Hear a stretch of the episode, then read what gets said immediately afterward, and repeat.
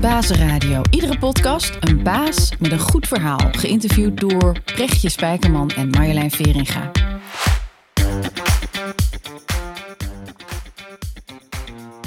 Roy startte zijn bedrijf tien jaar geleden toen hij nog piepjong was vanuit de noodzaak die hij zelf had als DJ aan goede planningssoftware. Hij dook een niche in, startte op een zolderkamer in zijn eentje. Kortom, het start-up verhaal is compleet. Deze aflevering gaat echt over het fenomeen start-up. Hoe denkt Roy over start-ups en de start-up cultuur in Nederland? Wat heeft zijn groei eigenlijk bepaald? En door welke groeifase ging hij met zijn Rentman? Je hoort het allemaal in deze aflevering. En wat we nog willen weten, Roy? Hoe gaat het nu met de evenementenbranche na corona?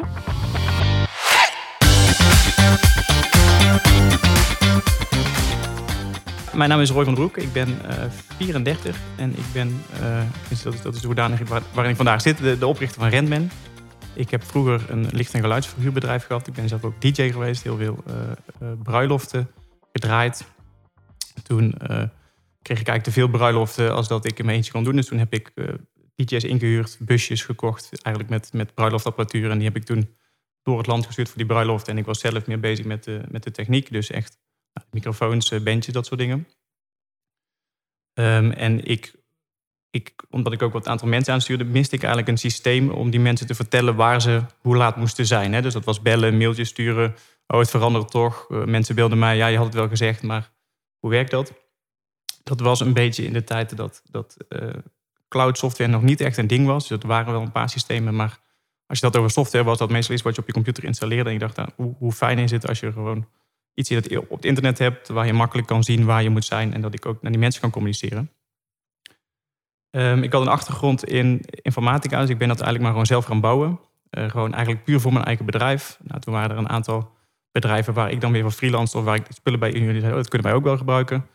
Nou, dat ben ik gaan verkopen en toen op een gegeven moment heb ik besloten om uh, uh, me volledig op die software te richten. Heb ik het andere bedrijf verkocht en ben ik dus uh, ja, software gaan bouwen. In mijn eentje. En dus het klassieke verhaal op je zolderkamertje, software bouwen, is het zo? Of ja, in de garage? Ja, nou, of wegrestaurant eigenlijk, want ik was natuurlijk altijd onderweg. Uh, uh, ja, ik, ik, deed er ook nog een studie naast, dus het was, je werkt overal. Ehm, bijvoorbeeld, wat veel gebeurde is, eh, als, als, je het, als je het dan twee jaar vooruitspoelt, dan heb ik iemand eh, aangenomen om mee te programmeren. En dan moet je inderdaad een eh, ja, ruimte hebben, hè, dus dan, dan kan je niet meer overal werken. En toen zijn we eigenlijk gewoon altijd bij de universiteit naar binnen gelopen. Uh, gekeken wat een ruimte vrij was. daar zijn we gaan zitten. We hadden van die VoIP-telefoons, die hebben we daar ingeprikt in het eerste beste internetpuntje. En dat was dan het kantoor van de dag. Een guerrilla-kantoor had jij. Ja, ja, ja dus soms werden eruit gestuurd, maar meestal ging dat goed. En, en ja, dus het is echt super klein begonnen. En vandaag, uh, ja, dus nu tien jaar later, het wordt ons tiende jaar dat we dit doen, uh, zijn we gegroeid naar volgens mij nu rond de 65 mensen ongeveer. En waar komt dat ondernemerschap bij jou vandaan? Want je kan wel zeggen, ik ben DJ, maar wat je nu aan het doen bent, is natuurlijk een totaal ander vak met een totaal andere capaciteiten dat je daarvoor nodig hebt. Dus waarvan, waar komt dat vandaan bij jou? Um, ja, waar komt het vandaan? Ik denk, ik denk dat, dat als, als je kijkt naar wat ik de afgelopen jaren gedaan heb, dat ik wel echt een drive heb om iets beter te maken of eigenlijk überhaupt iets te maken. Dus ik ben wel, ik heb wel een soort van. Um, ik, ik, ik, ben niet zo vaak tevreden met, met iets wat er is. Of ik zie heel vaak een kans om, om iets beter te maken. En dat wil ik dan ook, dat wil ik dan ook graag doen. Um, maar het leukste vind ik, en want ja, waar komt die drive vandaan? Ja, je doet denk ik toch gewoon iets wat je leuk vindt. Ik denk dat dat, dat, dat, het, dat, dat heel belangrijk is. Um, en het leukste vind ik om iets te, te, creëren, iets te bouwen. En dat kan dus, um, ja, als je zegt, je bent een DJ, nou, begint natuurlijk met helemaal niks. Je een plaatje draaien, maar ik was echt, wij deden licht en geluid. Dus we bouwden uh, de techniek voor een festival. Dus nou, hoe werkt dat met die boxen en met die kabels? En, en dus je begint op een helemaal leeg veld en dan bouw je daar ja, nou ja, die, die, zo'n zo, zo podium met alles wat erbij hoort. En dat vond ik heel erg leuk. En hetzelfde eigenlijk met software. Dus er is helemaal niks. En ik vond het echt leuk om iets te bouwen wat niet bestond. En dat vind ik nog steeds leuk. Iets creëren. En dat, dat, kan, een, dat kan een stukje software zijn. Dat kan inderdaad een, een event zijn. Maar dat kan bijvoorbeeld ook een team zijn. Of een, of een interne structuur. Of een organisatie inderdaad. Ja. Dus, dus, dus dat creëren, dat, dat vind ik leuk. Ja, want je, je hebt waarschijnlijk diverse plateaus meegemaakt. Waarbij je merkt van oké, okay, ik moet nu kiezen. Dat was de eerste keus van ga ik door met mijn eigen DJ-werk en gebruik die software voor mezelf of ga ik dat ja. delen? En dan laat ik het DJ-werk los. Ga ik hier helemaal voor? En dan krijg je verschillende fasen nog in je organisatiegroei. Um, wanneer heb jij de moeilijkste keus voor jezelf genomen? Wat vond je tot nu toe het meest pittig? Ehm, ik denk de, de, de, moeilijkste keuze die maak je denk ik altijd als je het verste uit je comfortzone bent. Hè. Dat is denk ik de, de, definitie van moeilijk, als het iets wat niet helemaal natuurlijk is. En ehm, ik denk omdat je, ook, omdat je ook groeit als persoonlijkheid, dat dat elke keer een andere moeilijke keuze is. Hè. Dus de eerste keer is het inderdaad wat je zegt, nou een hele simpele, ga ik die kant op, hè, dus die, die licht- en geluidswereld, of ga ik de softwarewereld in? Nou, vond dit, dat, je kan ook kunnen zeggen dat een hele moeilijke keuze, vond ik niet zo, niet zo moeilijk, omdat je daar relatief dicht bij jezelf kan blijven en je kan zeggen, oké, eh, ik wil gewoon met, met, uh, op een kantoor werken of ik wil met die slimmere mensen werken, om dat, om dat zo oneerbiedig te zeggen. Dus dat, dat vond ik niet zo'n hele moeilijke keuze, maar het is daarna wel steeds oké. Ik heb in mijn eentje iets gebouwd, maar dat, ik merk dat dat natuurlijk ja, dat, dat niet in mijn eentje aan kan. En dan moet je personeel aan gaan nemen. En, en dat is dan iets waarvan je denkt, nou, ik zit helemaal in die code, ik zit helemaal in mijn happy space. Nu moet ik iemand aan gaan sturen. Ja. Uh, dat, dat wil ik eigenlijk niet. Hoe oud was jij toen je de eerste aannam? Um, in dit bedrijf was ik 21. Ja, dan ben je 21 en dan moet je iemand gaan aansturen. Terwijl je misschien in je eigen bubbel wil blijven. Ja. Hoe werkte dat? Neem ons eens mee. Heb je daar, ging je dat goed af? Kwam je dingen tegen bij jezelf? Um, nou, dat, dat, dat, is natuurlijk. Dat is, ik moet eerst bij, bij, de, bij de, de, de, um, de eerste collega, die, uh, die kende ik van mijn studie. En die, die begon ook eerst op een freelance basis. Dus dat is nogal een, een, een makkelijke stap. En dan kan je er ieder moment van af. Eigenlijk voor een projectje. En dat was een hele fijne, natuurlijke samenwerking. Ik heb toen wel heel bewust nagedacht: oké, ehm, waarom, hebben we, waarom heeft die software succes? Waarom loopt het goed? Wat is er belangrijk? Nou, ik heb nu later geleerd dat zijn kernwaarden. Uh, dat woord had ik toen niet, maar ik was wel. Ik dacht: oké, wat, wat zijn nu dingen die, die, uh, die ik denk ik heel erg goed deed die, die het succes definiëren. En wel geprobeerd om dat ook uh, erin te prenten. En dat is bijvoorbeeld uh, super belangrijk. Het klinkt heel cliché, maar super dicht op de klant. Dus mm het was een programmeur, maar ik vond het wel heel belangrijk dat hij ook zelf de telefoon opnam. om zelf eerste hand de problemen van de klant te horen. Mm dus dus nou, dat soort dingen, daar ben ik heel bewust mee bezig geweest. Uh, maar voor, de, ja, voor heel veel andere dingen is het ook gewoon een kwestie van doen, denk ik. En mm liep eigenlijk ook die, ja, die eerste Simon heet, heeft ook aandelen nu gekregen. Um, mede-eigenaar van het bedrijf. Leuk. Uh, want we konden niet goed betalen natuurlijk in begin. En, en dat, dat werkt heel erg fijn. En dat is nog steeds een hele fijne samenwerking. Dat, eh, dat dus wat je eigenlijk zegt, van, joh, ik ben heel veilig begonnen. Hè? Dit eerst in mijn eentje en dan iemand freelance. En dan als het niet loopt, dan kan je terug en zo. Maar op een gegeven moment is het een contract. En dan is het een tweede of een tiende. Of, en dan is het niet meer een jaarcontract. Nee. Dan is het een bepaalde tijdcontract. Zat daar nog de spanning voor jou in? Of wat, je zei net van, joh, juist mensen aannemen is, is out of mijn comfortzone. En hoe je het nu vertelt, denk je van, ik ben heel veel begonnen. Dus zoveel mogelijk mhm. bij mijn comfortzone. Mhm. Dus waar, waar zat die spanning op een gegeven moment? Nou, het gaat dan meer om dat je dan uh, dingen moet delegeren en dat je dus niet meer dat je de controle los moet laten. Zo, dat, in, dat je in het begin doe je alles en dan moet je kijken wat, wat ga je wel doen, wat ga je niet meer doen. Dat is denk ik ook meer de spanning. Hè? Dus je, als dat het echt gaat om een contract of die handtekening of, of dat soort zaken, dat vind ik wat minder uh, belangrijk eigenlijk. Dus vrij snel hadden we ook een derde, vierde, vijfde. Uh, ja. ja maar met 65 mensen, dan moet je dingen delegeren. Dat kan je ja, niet meer nee, uh, nee, in de klauwen houden allemaal. Nee, nee, dan, dan, hadden we ook die 65 mensen niet nodig. nee, zo is het. Dat is een goed teken, 65 mensen. Dat kan hartstikke goed zijn. Dus hoe, hoe doe je dat? Want ik kan me voorstellen, als je zo jong begonnen bent... je hebt ook nergens nog kunnen spieken in andere bedrijven hoe dat gaat. Dus je moet dat zelf leren. Hoe heb je dat aangepakt? Hoe je, hoe je daarmee omgaat? Ja, hoe heb je dat aangepakt? Um, daar heb ik niet een, uh, een, vaste formule voor van zo, zo is dat gegaan. Um, misschien mensen in je omgeving die je met raad en daad konden bijstaan? Of... Nou, wat, wat wel het geval is, wij zaten um, bij, een, bij een incubator al, al heel vroeg. En eigenlijk was dat wat ik vertelde, we hadden dus een, een kantooromgeving gewoon op de universiteit, waarbij we dus gewoon altijd een, een deur opentrokten, gingen zitten. En dacht, nou, nu moeten we eigenlijk echt een kantoor hebben.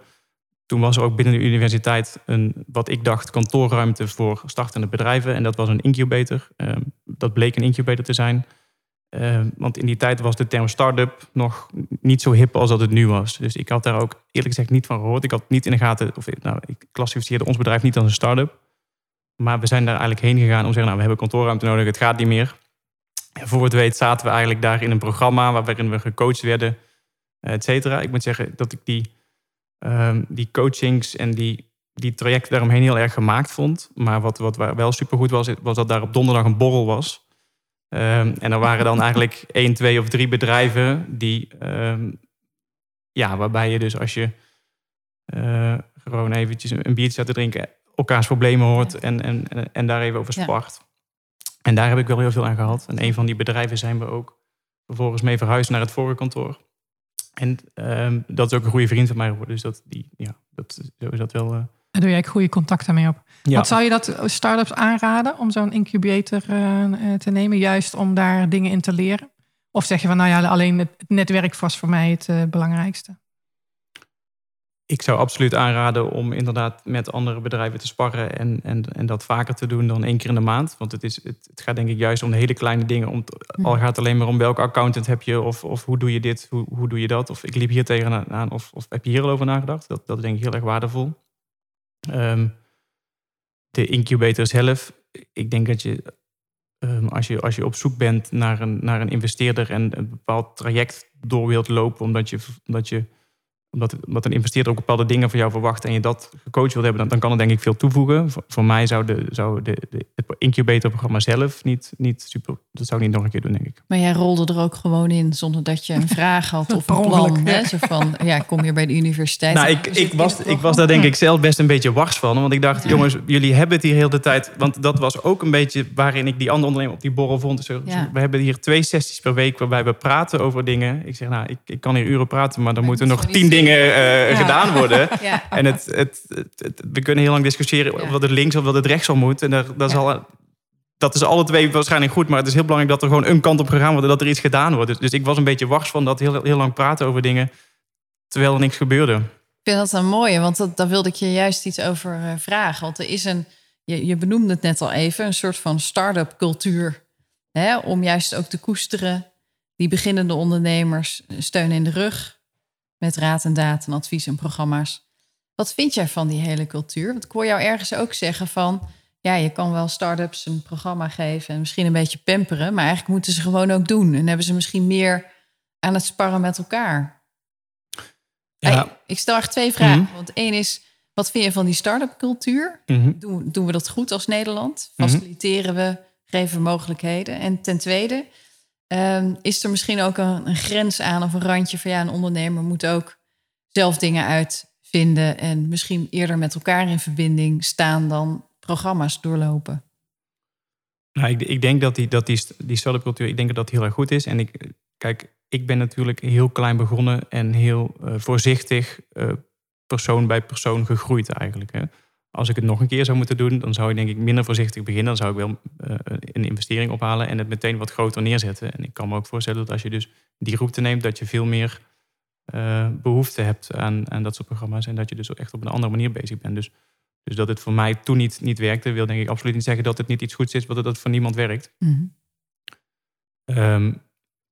en uh, wat jij zegt, het geeft je andere mogelijkheden. Mm.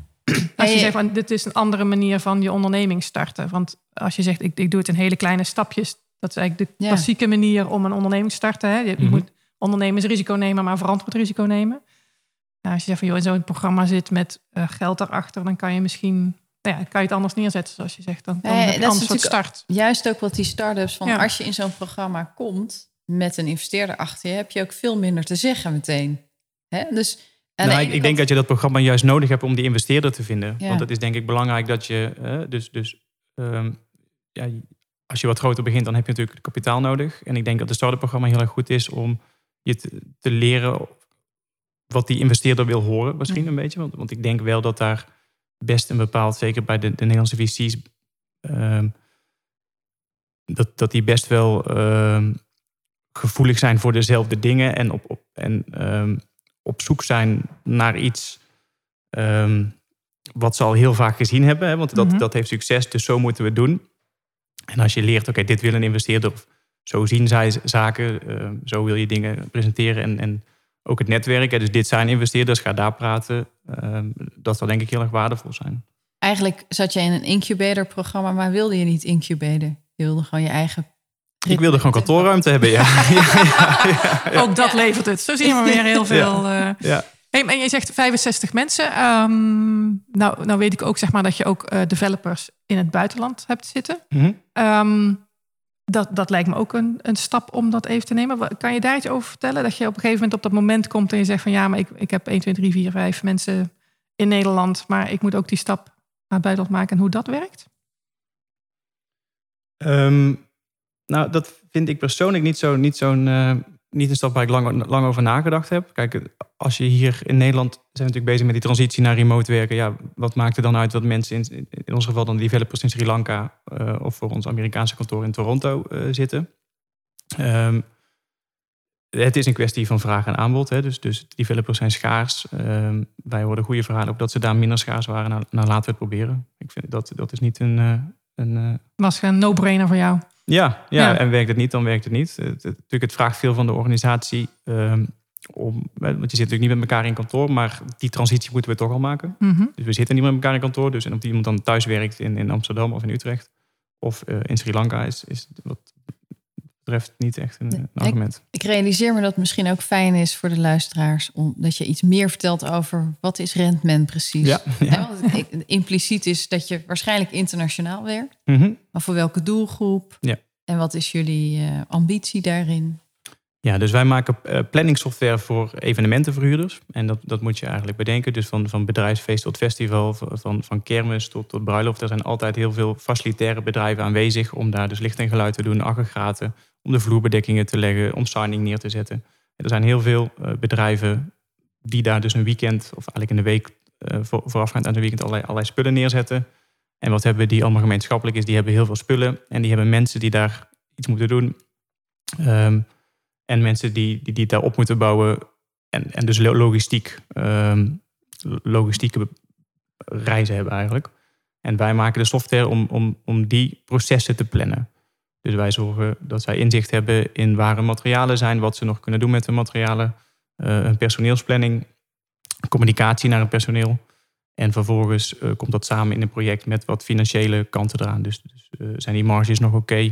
Wat verdien ik hieraan? Uh, een offerte maken, een factuur maken. Heb ik alles gefactureerd? Is dit hele project afgerond? Moeten er nog dingen gebeuren? Dus eigenlijk al die, al die bedrijfsprocessen binnen, binnen verhuurbedrijven, daar maken wij planningssoftware voor. Dat, dat verkochten wij vroeger als één pakket. Van nou, je, hebt, je bent een verhuurbedrijf, hier heb je onze software.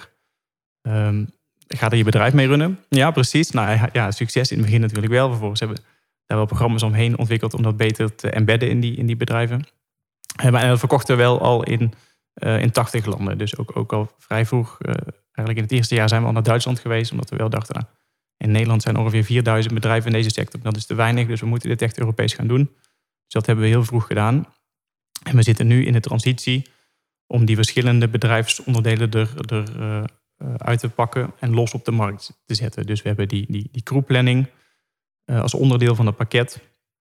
En dat zetten we nu als individueel product neer. En we hadden die, die logistieke planning, dat wordt een individueel product. En je hebt dus het materiaalbeheer. Dus nou, welke spullen moet ik nog pakken? Wat, wat moet ik inhuren bij derde partijen? Wat is er al door mijn magazijn gegaan? Wat is misschien kwijt? Wat is reparatie? Dus dat materiaalbeheer, dat zetten we ook als individueel product uh, neer. Eigenlijk om daar uh, het voor bedrijven makkelijker te maken om met onze software te beginnen. He, dus dus uh, als je in één keer je hele bedrijf om moet gooien en op alle mm. niveaus nieuwe software moet implementeren, dan is dat best een grote stap. Het is een soort modulair systeem uh, geworden nu. Dat je iedere keer kan bijplussen als je dat wil. Ja, ja, we zien het wel iets anders. Want, want dat, dat, uh, als, je, als het gaat over een modulair systeem, dan, dan blijft het. Dan, dan gaat het misschien heel erg over het geheel. Wat, wat ik belangrijk vind, is dat onze crewplanner uh, ook op zichzelf zo goed is dat die concurreert met andere crewplanners. Ja, ja. En dus we hebben echt het product crewplanners en we hebben het product um, materiaalplanning. En dat, dat moeten echt op zichzelf staande pakketten zijn die je ook weer kan combineren met een, een pakket van de concurrent bijvoorbeeld. Ja, wat mij intrigeert, je, je zei net even terloops, uh, en toen begonnen we al vrij snel in 80 landen. Hoe, uh, dat, ik denk dat, dat de meesten van ons denken, hoe doe je dat dan? Uh, we maken onderscheid tussen landen waarop, waarop we focussen. Um, dus dus um, we hebben eigenlijk uh, zeven regio's waarin we uh, native mensen uh, hebben. Waarop we dus ook dat echt focusgebieden zijn voor ons. En dat is bijvoorbeeld de, dagregio. Dus we hebben echt een Duits sales team met Duitse marketeers. we hebben ervoor gekozen om dat in Utrecht te hiren. Dus op ons kantoor in Utrecht zitten minimaal zeven verschillende nationaliteiten die, die vanuit hier hun, hun, ja, hun, hun regio runnen. Um, en dat is eigenlijk een kwestie, nou wat gaat er goed in Nederland? Nou, dat die formule die, uh, die, gaan, we, die gaan we kopiëren naar een andere regio en dan kijken we wat er, uh, ja, wat er, wat er uh, specifiek is voor dat land. Dat, dat kunnen bijvoorbeeld bepaalde bedrijfsprocessen zijn. Hè? Dus in Italië worden andere formulieren verwacht die uit onze software moeten komen. Dat kan ook een iets andere manier van, van verkoop zijn. Nou, en dat ga je dat per land ga je dat een beetje tunen. Maar omdat je dus lokale mensen hebt, wat je nou, Italianen, Fransen, Duitsers hebt, hebben daar zelf al best een goed idee van dit werkt voor ons wel, dit werkt voor ons niet. Is dat online met name, dat je online je product aanbiedt en dat daar een land op reageert? Of moet je echt ter plekke om met evenementenbureaus uh, te schakelen en uh, je producten verkopen? Mm, nee, wij doen onze marketing wel digitaal. Dus dat, maar je, je, je, zult in een land wel een campagne op moeten starten. En dat, dat wil niet zozeer zijn uh, met een auto van bedrijf naar bedrijf rijden. Maar dat is wel aanwezigheid in de online vakbladen op de beurzen uh, present zijn. Een, een, campagne daaromheen. Um, en denk ik wat heel erg belangrijk is, dat je een paar goede klanten hebt in het begin uh, die ambassadeur kunnen worden. Hè. Dus um, ik denk dat het heel belangrijk is dat je. Um, wij, hebben het geluk dat, ons, dat onze sector, die huurt veel bij elkaar in. Als je een freelancer hebt, dan werkt die voor bedrijf A, maar ook voor bedrijf B en bedrijf C. En als je dus bij in een land begint en je zorgt dat die klant heel goed geserviced is en dat die freelancer denkt, oh, als ik daar bij dat bedrijf werk, dan zie ik heel makkelijk op mijn telefoon waar ik moet zijn. En mijn communicatie gaat heel erg lekker.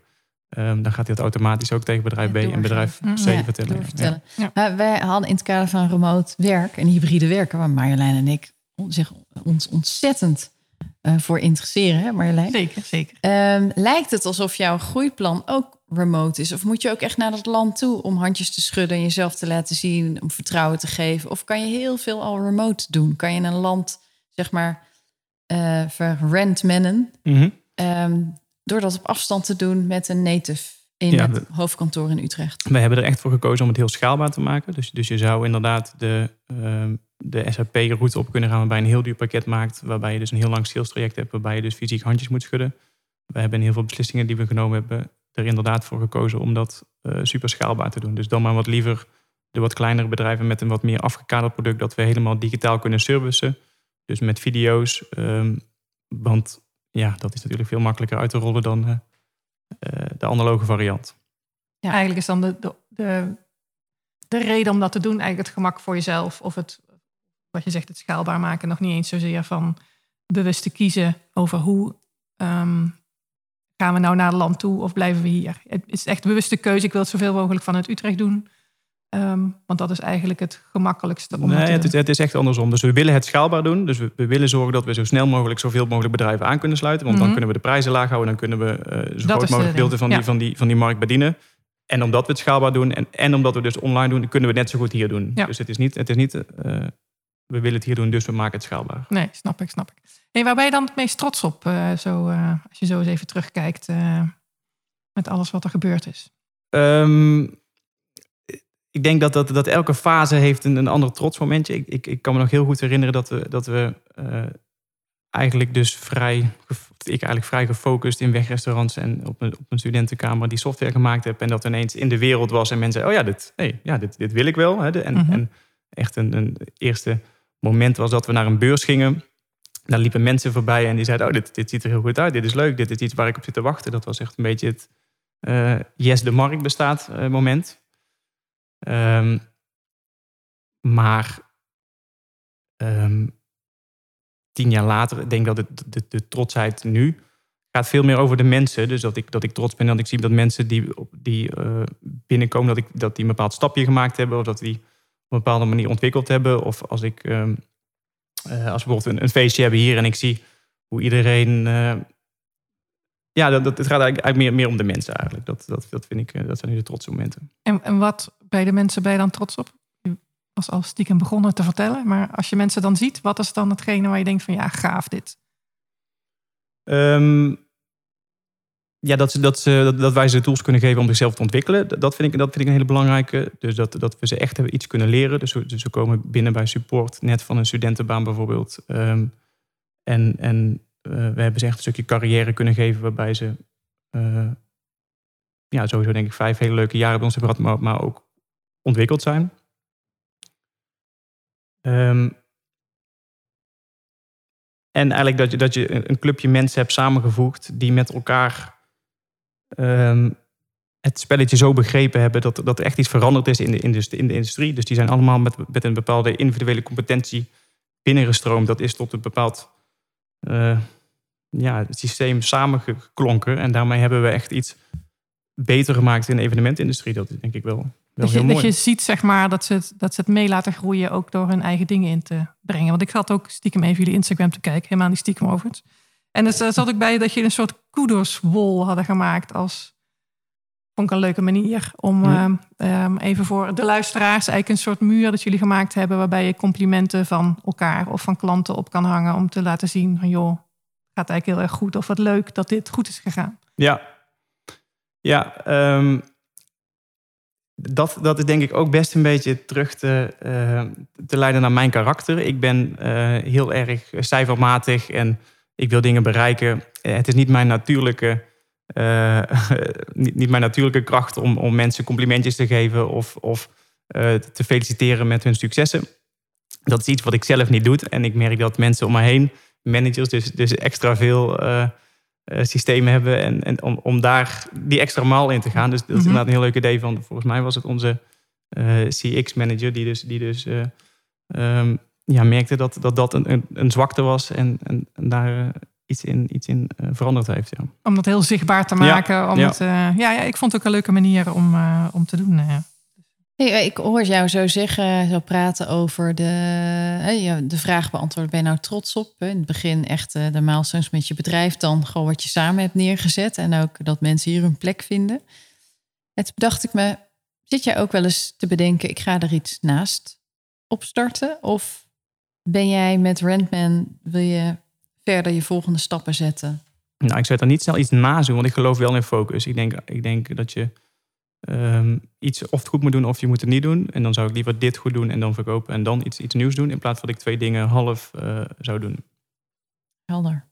Maar je, wat je net eigenlijk vertelde was dat het een stuk zingeving haalt uit dat je mensen het volgende stapje ziet zetten en dat je dat samen doet. Um, waarom is dat zo belangrijk voor je?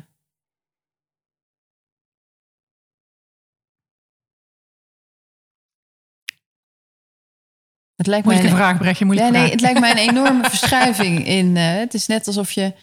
Um, kijk, in het begin ben je als ondernemer natuurlijk heel erg bezig met het product... en dat er, dat er markt voor is, dat mensen mm -hmm. daar blij van worden. Ja.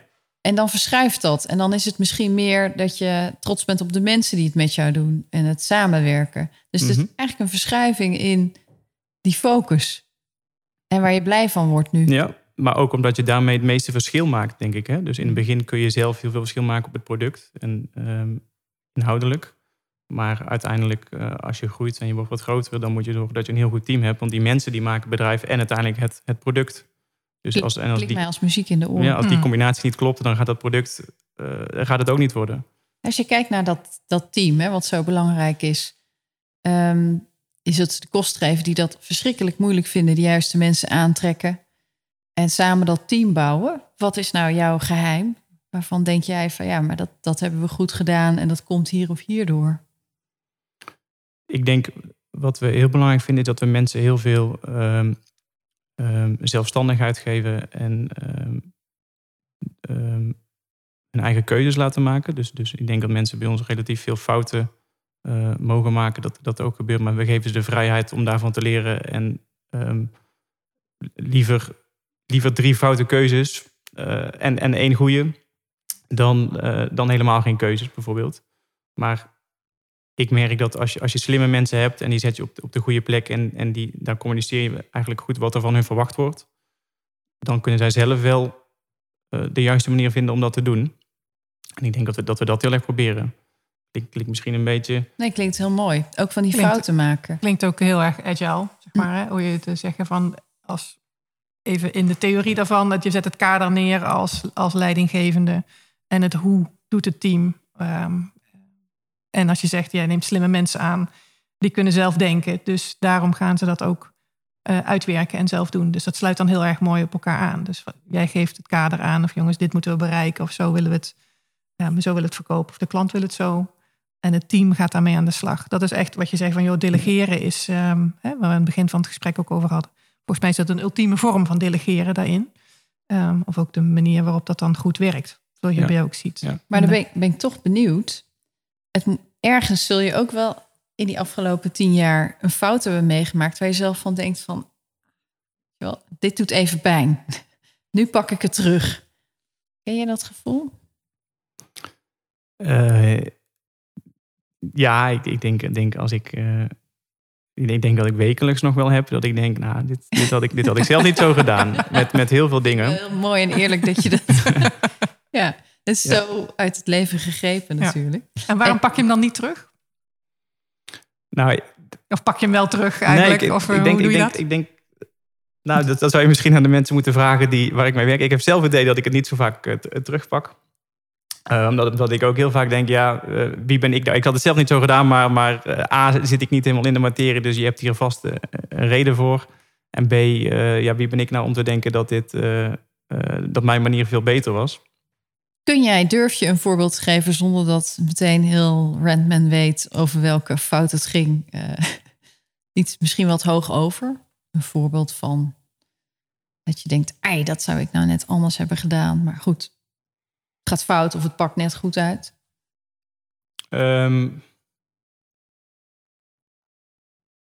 nou, ik denk als je heel algemeen spreekt, dat het. Dat, het uh, um, dat, dat, ik denk dat we, dat we in sommige gevallen misschien te, te ver doorgaan en mensen dus uh, te lang het zelf laten, laten uitzoeken. Hm. En dat we denken, nou, we zijn dus nu zes maanden uh, verder. Um, wat, jullie hebben nu inderdaad alles zelf ontdekt, maar we hadden misschien veel eerder hier kunnen staan als we toch beter uh, hier getraind hadden of meer hadden meegenomen in wat we vroeger al gedaan hebben, in plaats van jullie helemaal uit laten zoeken vanaf het begin um, hoe, hoe het zit. Maar dat, uh, of, of ja, het zelf helemaal uit laten zoeken. Maar dat gaat denk ik weer een laagje hoger. Had je, heb je dan wel, hebben dan wel genoeg managers aangenomen? Of zijn die, zijn die teams niet te groot? Hm. En ja, maar als je. Hè, maar hebben dat team dan wel genoeg budget gegeven om. Um, want waarom zijn die managers dan niet? Is het dan misschien een budgetkwestie? Of, of, ja, dus er is altijd wel weer een reden aan te wijzen waarom het, waarom het niet gelukt is. Hm. En dan met name wat je aangeeft is van hoe heb ik het eigenlijk georganiseerd dan? En heb ik het dan zo georganiseerd dat er ook het maximale uit de teams komt? Dat is eigenlijk wat je daar dan in zegt. Ja, denk ik, denk, ik. ik denk eigenlijk dat heel veel fouten zijn, of heel veel, heel veel dingen zijn terug te, te leiden naar, oké, okay, hoe is het eigenlijk georganiseerd? Ja. Ik denk hoe je het went of keert, dat is vaak wel wat er, wat er in de kern mis is. Dat er, dat er gewoon iets verkeerd georganiseerd is of, of niet optimaal georganiseerd is. Ja. ja. Dat is wel heel mooi. Dus jij herleidt een fout, een concrete situatie terug naar uh, hoe hebben we het georganiseerd dat dit zo heeft kunnen gebeuren. Ja, maar dat is denk ik ook. Ja, dat, daar geloof ik echt in. Ja, ja. mooi. Mooi. En um, wat ik ook mooi vond wat je aangeeft, is dat spanningsveld tussen delegeren is stuk uh, controleren of uh, loslaten. Een soort laissez-faire van over de schutting gooien en succes. En daar zit het tussenin natuurlijk. Hè? Van welke kaders geef je mee? En soms doe je dat goed. En soms merk je, oh, daar was een team nog niet. Of uh, nu waren we te druk om echt het beter te monitoren. Ja. Herken je dat? Ja, zeker. Ja, zeker. En, en um, ik wil ook absoluut niet, niet, de impressie wekken dat het loslaten en delegeren iets is wat mij heel natuurlijk vanaf dag één uh, afging. Dat is voor mij ook een hele grote struggle geweest. En altijd, nou, wanneer moet ik wel iets loslaten uh, en wanneer niet? Maar ook vooral, um, ja, wat is het beste op dit moment om te doen natuurlijk. Hè? Dus dat, en wat is het beste voor het bedrijf om te doen, is ook niet per se altijd wat is het leukste voor mezelf om te doen. Dus dat is natuurlijk ook elke keer weer een stap van, nou, ik zou het, ik zou natuurlijk gaat ook weer een beetje over uit je comfortzone treden. Ik zou het leukst vinden om nu in de rol waarin ik nu zit, uh, dit te blijven doen. Maar als we dus door willen naar 100 personen, dan uh, zullen er toch echt, worden er echt andere dingen van mij verwacht. Dus ik moet dit ook loslaten om meer aandacht te besteden aan dit, dit andere stukje wat, ja, wat ik nu moet gaan doen. Dus, dus zo, zo gaat het denk ik eigenlijk veel vaker. Dat je denkt, nou, ik laat iets los, want iets anders is gewoon belangrijker. Niet omdat ik denk, het is nu tijd om dit los te laten. Of, of, ja, of ik, ik wil het graag loslaten. Soms gaat het ook gewoon organisch, is eigenlijk wat je bedoelt. Ja, het is prioriteit. Eigenlijk iets anders is belangrijker. Dus dan, dan moet je het ook maar loslaten. En dan zorg je maar dat, er, dat je de juiste mensen hebt die het hopelijk op kunnen pakken. Op welk punt sta je nu? Sta je nu weer op een punt dat je zegt, we gaan weer naar een volgende groeistap. Dus dat vergt andere. Nou, we zitten in ieder geval een nieuw kantoor dus ja. nu. Dus dat, dat, dat, dat uh... Het is misschien wel leuk om te vertellen hoe prachtig het hier is. Ja. In uh, Hartje Utrecht. Ja, wij komen natuurlijk uit, uit de, de coronasituatie. Wij zitten in de evenementensector en dat is op dat moment niet de beste. Uh, onze klanten hebben het ontzettend zwaar en die hebben een hele moeilijke tijd achter, achter de rug. Um, wij groeiden voor de corona, uh, voor corona groeiden wij ongeveer met 70% uh, eh, per jaar. Dus je kan zeggen dat we eigenlijk anderhalf, elke anderhalf jaar verdubbelden. Nou, dat is, dat is toen door corona eigenlijk gestopt. Toen hebben we echt een aantal andere keuzes moeten maken. Dus um, als onze klanten geen, niet het budget hebben om software te kopen, of, of eigenlijk überhaupt geen prioriteit hebben om daarmee bezig te zijn, want ze hebben belangrijke dingen aan hun hoofd, hoeven wij ook niet zoveel te investeren in sales of uh, in het supporten van die software, want mensen zijn niet aan het werk. En kunnen we wat meer um, besteden aan, um, aan de ontwikkeling van de software. Dus daar hebben we een andere keuze in gemaakt. Maar je merkt natuurlijk als je van een organisatie die altijd maar groeide, waarbij er altijd plek was voor nieuwe mensen, waarbij er nieuwe functies gecreëerd werden, waarbij sommige dingen heel makkelijk gaan als dat in één keer tot stilstand komt, dan, dan heb je een hele andere dynamiek in je bedrijf. En dan wordt er ook van mij echt iets heel anders verwacht. Ehm, en ik denk dat de grote uitdaging is om mensen toch uh, gemotiveerd te houden om die nieuwe realiteit te omarmen met oké, er is even geen groei, er zijn geen nieuwe uitdagingen. Ehm, wat betekent dat? Hoe, hoe, hoe, kunnen we daarmee omgaan? En wat is weer het volgende punt op de horizon? En hoe heb je dat dan aangepakt? Om, uh, want je zegt even, neem de mensen er even in mee. Nou ja, hoe de. Nee, ja, nou, nou, nou, maar het begon dus met wat, wat, uh, wat, wat, wat vind je nu heel moeilijk en wat is de volgende stap die je moet doen? Het, het, gaat dus om die motiveren van de mensen. En het gouden ei heb ik daar niet, niet in gevonden. Nee, maar misschien, hoe, hoe heb je het gedaan? Hoe heb je, uh, ben, je, ben je voor de groep gaan staan? Heb je met mensen gesproken? Heb je je strategie aangepast? wat, of misschien allemaal wel? De strategie hebben we aangepast. Dat is denk ik het makkelijke stukje. Dat, dat uh, kan ik vanaf mijn uh, zolderkamer vrij makkelijk. Dat, dat, dat, gaat me, dat gaat me makkelijk af. Uh, ik heb ook voor de groep gestaan, maar ik denk dat, dat die, die communicatie die is, die is zo ontzettend belangrijk. En dat had ik best wel meer mogen doen. Ik vind dat we, ja, als, als er zoveel dingen veranderen en de wereld is onzeker, dan denk ik dat er, dat er echt wel verwacht wordt. Dat er, dat er mensen opstaan die zeggen: Oké, jongens, rustig, alles komt goed. dit is het volgende Um, dus ik, denk dat, dat ik daar best wel wat meer aan had mogen communiceren. En dat ik daar ook nu uh, um, bewuster van ben. En natuurlijk omdat die strategie verandert, is het belangrijk dat je dat ook uit gaat dragen. En dat, dat je veel meer gaat communiceren van oké, we, gaan even iets anders doen. Of, ja, wat we deden werkt niet meer. Uh, zo komen we deze tijd door en, en dit zit op de horizon. Maar het moet voor jou ook even wennen en schakelen en schrikken zijn geweest. Want die hele evenementen industrie die ligt in één keer op zijn gat. Niemand zag dat aankomen. Wat deed dat met jou? Ja, het is, het is vooral demotiverend dat, uh, dat, dat het perspectief weg is. Hè? Dus, dus je, je weet niet zo goed wat je, uh, waar het heen gaat. Er is, er is veel onzekerheid. En uh, zelf persoonlijk vind ik het natuurlijk niet leuk dat het, dat het stilstaat. Kijk, het is natuurlijk veel leuker om te groeien, ehm, beter te worden, groter te worden een beter product te kunnen maken, nieuwe uitdagingen aan te pakken, dan, uh, ja, dan niet te groeien. Dat, dat, dat lijkt me logisch. Dus dat is, dat is... Was dat zorgwekkend voor je? Mm. Wat bedoel je met nou zorgwekkend? het, je zit net in die industrie waar je zeker van weet in die wereldwijde coronacrisis dat daar de klappen gaan vallen. Dat is ook de laatste industrie die weer opstart, zo'n beetje. Ja, het, was nu, het was als eerste. Ja, de eerste. Ging het uit en als laatste gaat het weer aan. Ja, absoluut. Ja, dus ik kan me voorstellen als je oprichter, bedenker, eigenaar bent en je moet je mensen daarin meekrijgen, dat je zelf als ondernemer ook even moet wennen en bijschakelen en moet verwerken wat er allemaal gebeurt.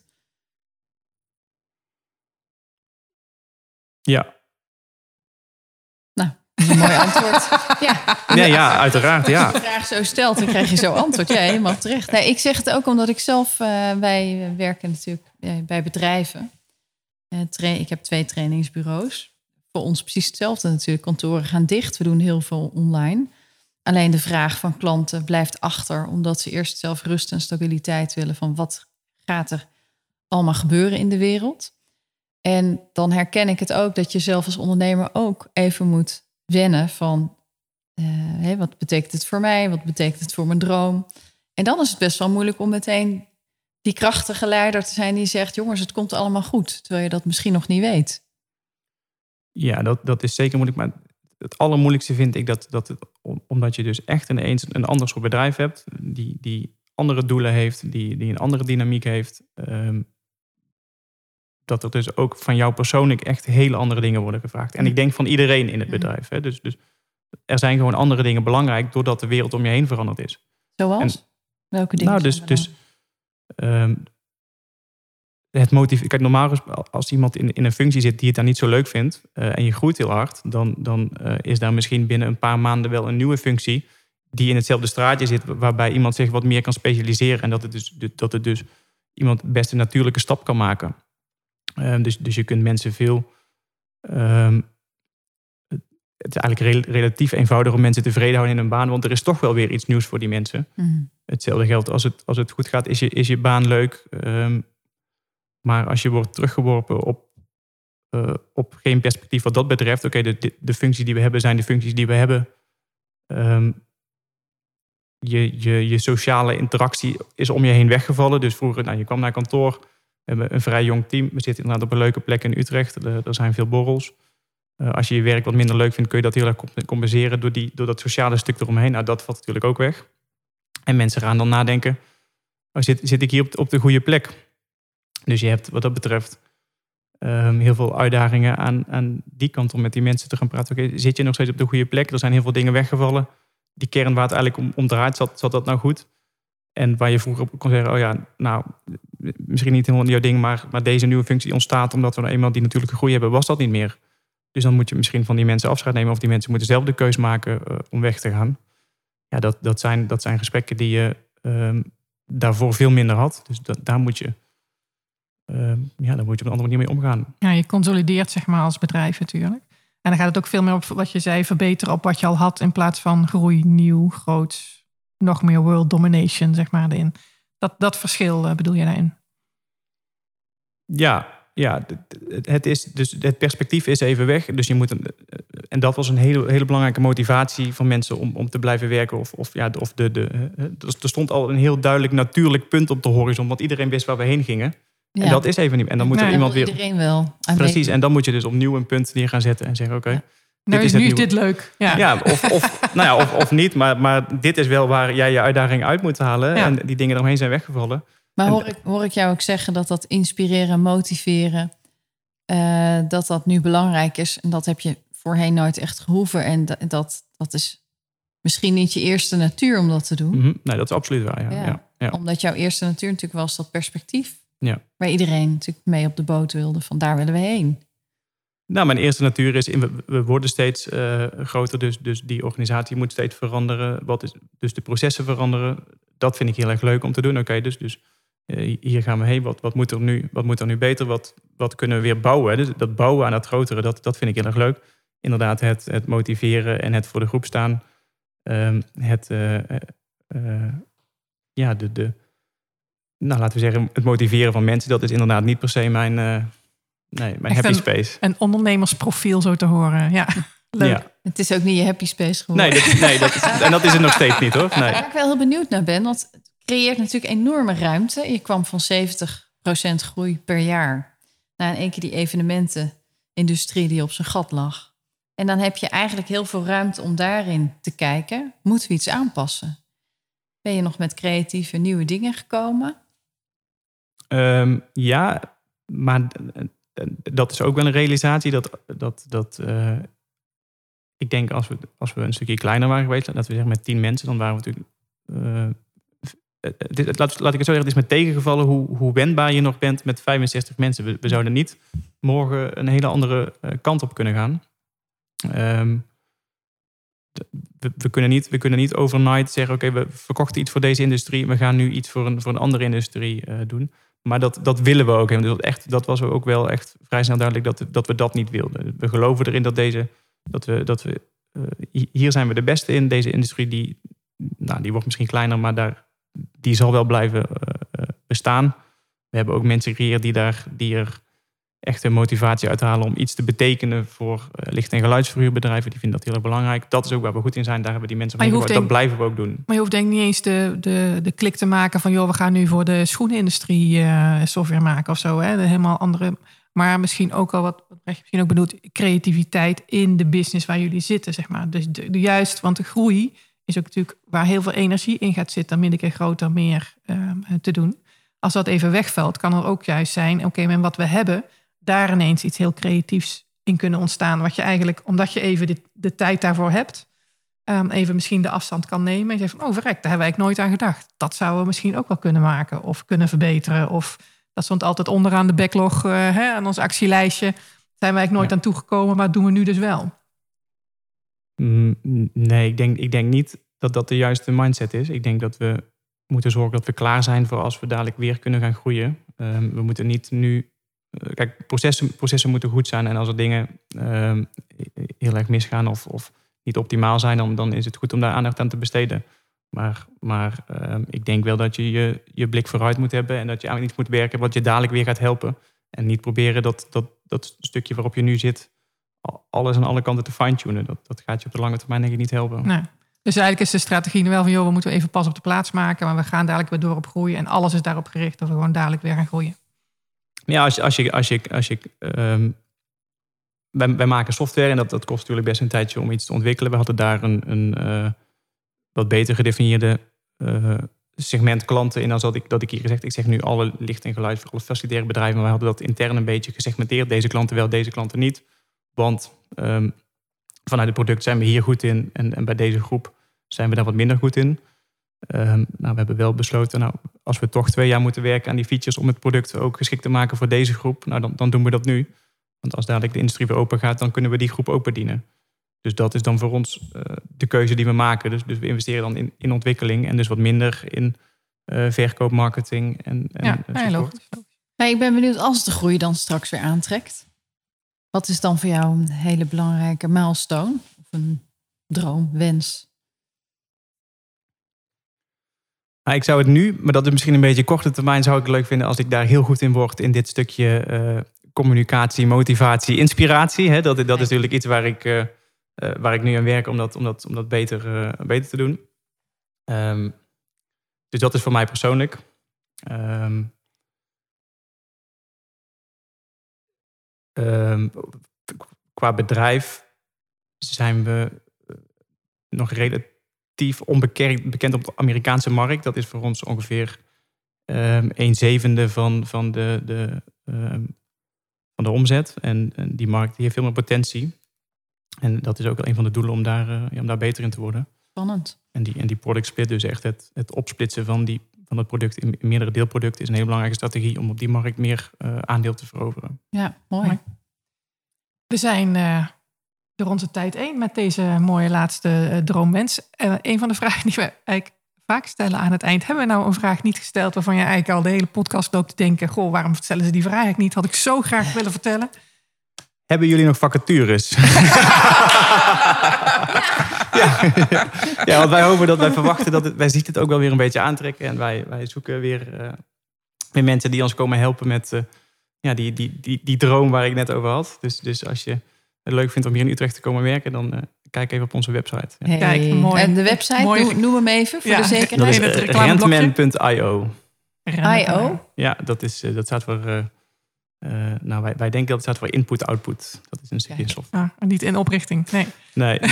nou, het is waarschijnlijk een, domein van uh, een heel klein eiland ergens. Oh, oké. Okay. Ja, mooi. Veel bedrijven gebruiken het.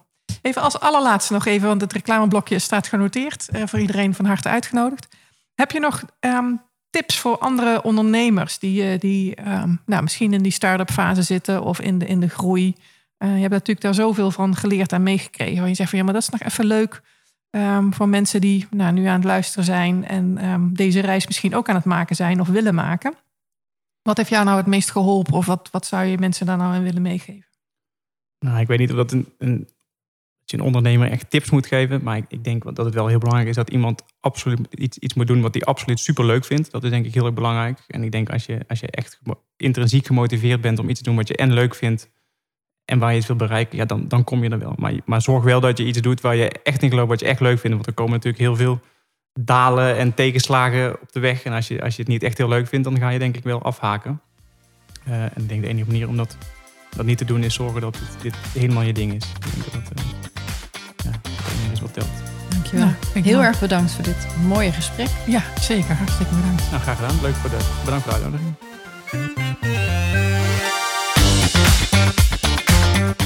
Tot zover het interview. Wij hopen dat je geïnspireerd bent geraakt en dat het je aanzet tot nadenken over je eigen leiderschap en keuzes die je maakt in je leven. Wil je meer horen? Wij hebben nog een reeks fantastische gasten in de aanbieding. Abonneer je op Bazenradio en pak ze allemaal mee. En we komen graag met je in contact. Heb je complimenten of tips? Wil je reageren inhoudelijk? Laat dan een berichtje achter. Voor nu zeggen wij tot de volgende baas.